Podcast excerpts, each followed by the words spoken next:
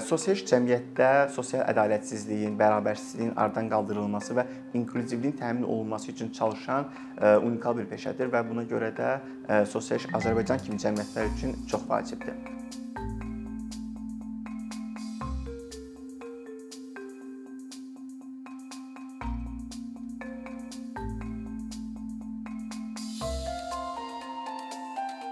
İlk öncə onu qeyd edim ki, sosial peşəsi hər hansı bir peşənin köməkçi peşəsi deyil və özündə biopsixososial yanaşmanı ehtiva edən çox bir e, unikal bir peşədir. E, və e, biz Ubuntu Sosial iş Dərnəyi olaraq fəaliyyət göstəririk. Ötən ilin mart ayından etibarən Azərbaycanda sosial icması ilə bağlı çalışan gənc təşəbbüs qrupuyuq. Bizim əsas məqsədimiz ondan ibarətdir ki, cəmiyyətdə sosial işlə bağlı aydın təsəvvür yaratmaq, daha sonra isə sosial icmasının bilik və bacarıqlarını artırmaq və daha sonrakı mərhələdə isə həmin o icmanı mobilizə etməkdir. Bizim əsas məqsədimiz bu üç şəkildə sıralaya bilərdim.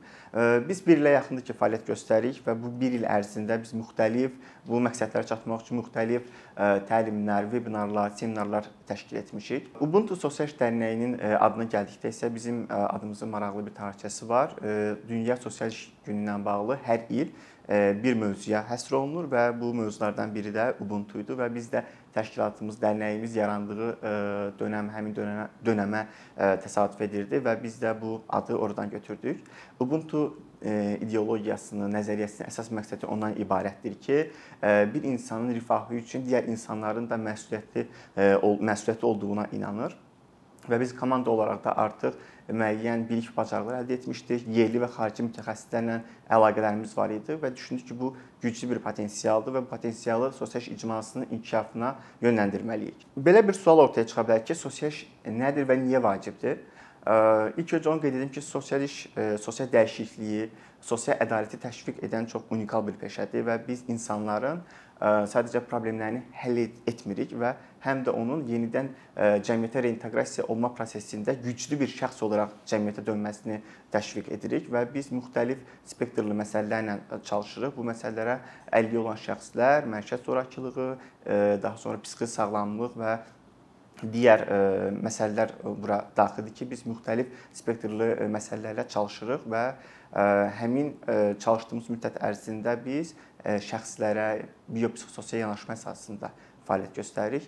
Biz həm makro səviyyədə, həm mezo səviyyədə, həm mikro səviyyədə, müxtəlif səviyyələrdə cəmiyyətlə işləməyi özümüzə hədəf görürük. Sosial iş cəmiyyətdə sosial ədalətsizliyin, bərabərsizliyin aradan qaldırılması və inklüzivliyin təmin olunması üçün çalışan unikal bir peşədir və buna görə də sosial iş Azərbaycan kimi cəmiyyətlər üçün çox vacibdir. Birbaşa olaraq şəxslərə xidmət etməsə də, amma xidmət sahəsində fəaliyyət göstərəcək sosial işçilərin bacarıqlarının artırılmasına yönəlir bizim fəaliyyətimiz.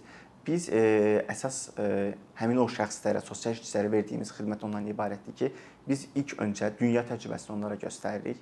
Bu e, həqiqətən də Azərbaycandakı sosial icması üçün çox vacibdir. Çünki biz tələbələrlə e, seminarlar təşkil etdiyimiz zaman görürük ki, onlar əslində mən bu sahəni bitirib necə işləyəcəm və yaxud da ki, bəzi onlara səhv məlumat verilir ki, sən bu cür e, çalışacaqsan, amma əslində o sosial iş deyil. Biz onu ilk öncə göstərmiş oluruq ki, əslində sosial müstəqil bir peşə sahəsidir. Sən mütəxəssis kimi çalışa biləcəksən. Bu onlarda motivasiyanı artırır. Daha sonra isə biz e, icma görüşləri təşkil edirik ki, bu icma görüşləri istər təlimlərin özündə olsun, istər xüsusi olaraq icma görüşlərimiz şəxslər ora gəlirlər, artıq bir-birini tanıyırlar. Məsələn, bəzən biz özümüz də bilmədiyimiz hər hansı bir təşkilatı tanımış oluruq, o sahədə çalışan sosial mütəxəssisi ilə tanış oluruq və görürük ki, həqiqətən də bu beynəlxalq standartlara uyğun, hardasa ən yaxın formada onlar orada çalışırlar.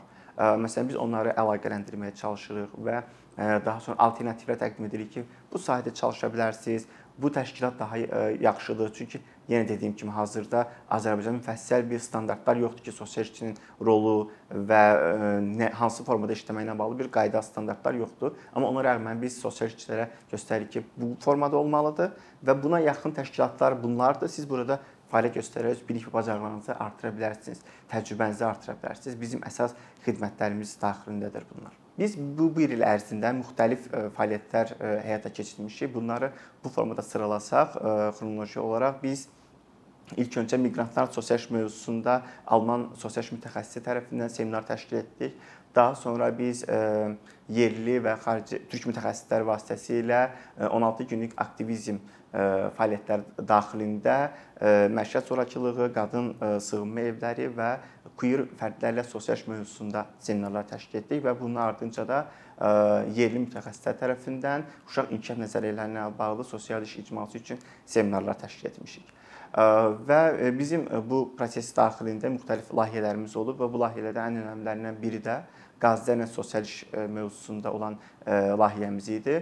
Bu 8 moduldan ibarət bir belə deyək ki, təlimlər paketi idi və biz bu təlimlərə cəlb etmişdik yerli və türk mütəxəssisləri və onların qazilərin problemlərin həll olunmasında, ailənin həmin o problemin həll olunmasındakı prosesə cəlb olunması və sair kimi bacarıqları sosial işçilərə öyrədirdik və daha sonrakı mərhələdə isə biz qazilərin əsas problemləri olan PTSD, travma sonrası stress pozuntuları ilə bağlı məlumat vərəqələri hazırladıq ki, bu həm qazilərin belə deyək ki, ailəsinin, ətrafının, yaxın çevrəsinin istifadə edə biləcəyi məlumatlarla zəngin idi. Həmçinin də bu sahədə çalışan mütəxəssislərin mütəxəssislər üçün bələdçi rolunu oynaya biləcəyi bir materiallar idi. Daha sonra biz yenicə bitirdiyimiz layihəmiz sosial işdə etik prinsiplər təlimləri idi. Bu da 6 moduldan ibarət təlimlər idi.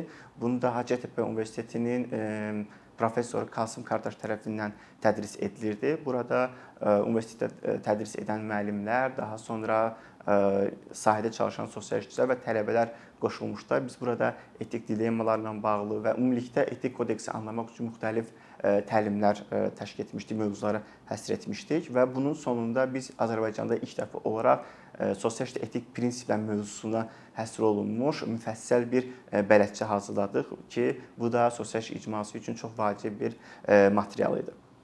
Daha sonrakı fəaliyyətlərimiz sırasında biz hal-hazırda davam edən Türkiyədə Sinop Universitetinin sosial mütəxəssisi doktor Filiz Ər tərəfindən qrup çalışması adlı bizim 6 hissəli davam edən təlimlərdir ki, bu isə birbaşa olaraq sahədə çalışan sosial işçilər üçün nəzərdə tutulmuş bir təlimlər silsiləsidir.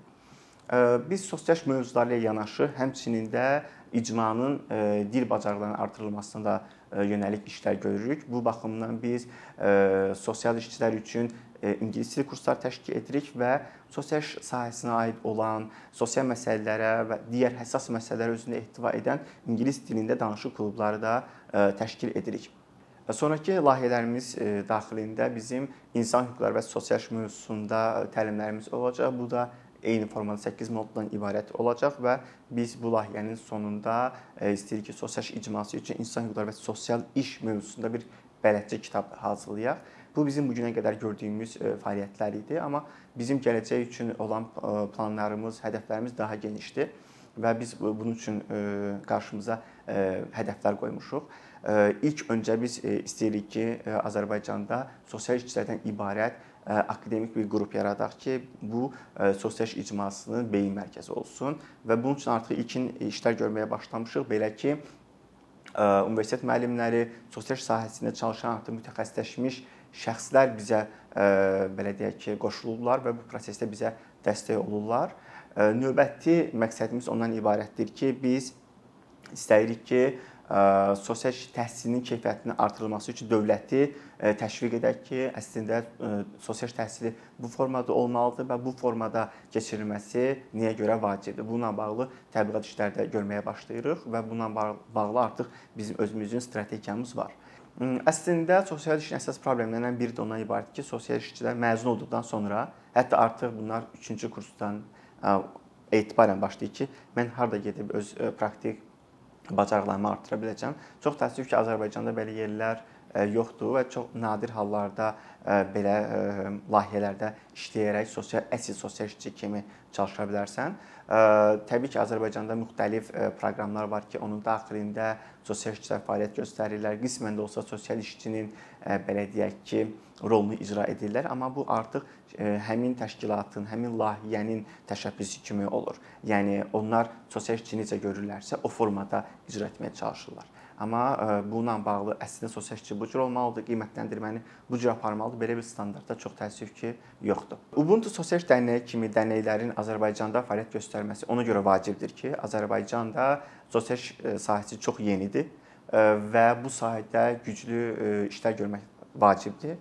Bu baxımdan icmanın bir araya toplanması, icmanın müxtəlif problemləri müzakirə edə bilməsi üçün biz bir platforma təqdim edirik icmaya. Bu da həmin icmanın mobilizə olması üçün çox vacibdir, inkişafı üçün çox vacibdir və biz inanırıq ki, Azərbaycanda sosial ədalətin təmin olunması və inklüzivliyin təmin olunması, bərabərsizliyin aradan qaldırılması üçün sosial iş vacibdir və biz e, növbəti hədəflərimiz daxilində e, bu e, ehtiyacın ödənilməsi üçün əlimizdən gələni etməyə hazırıq.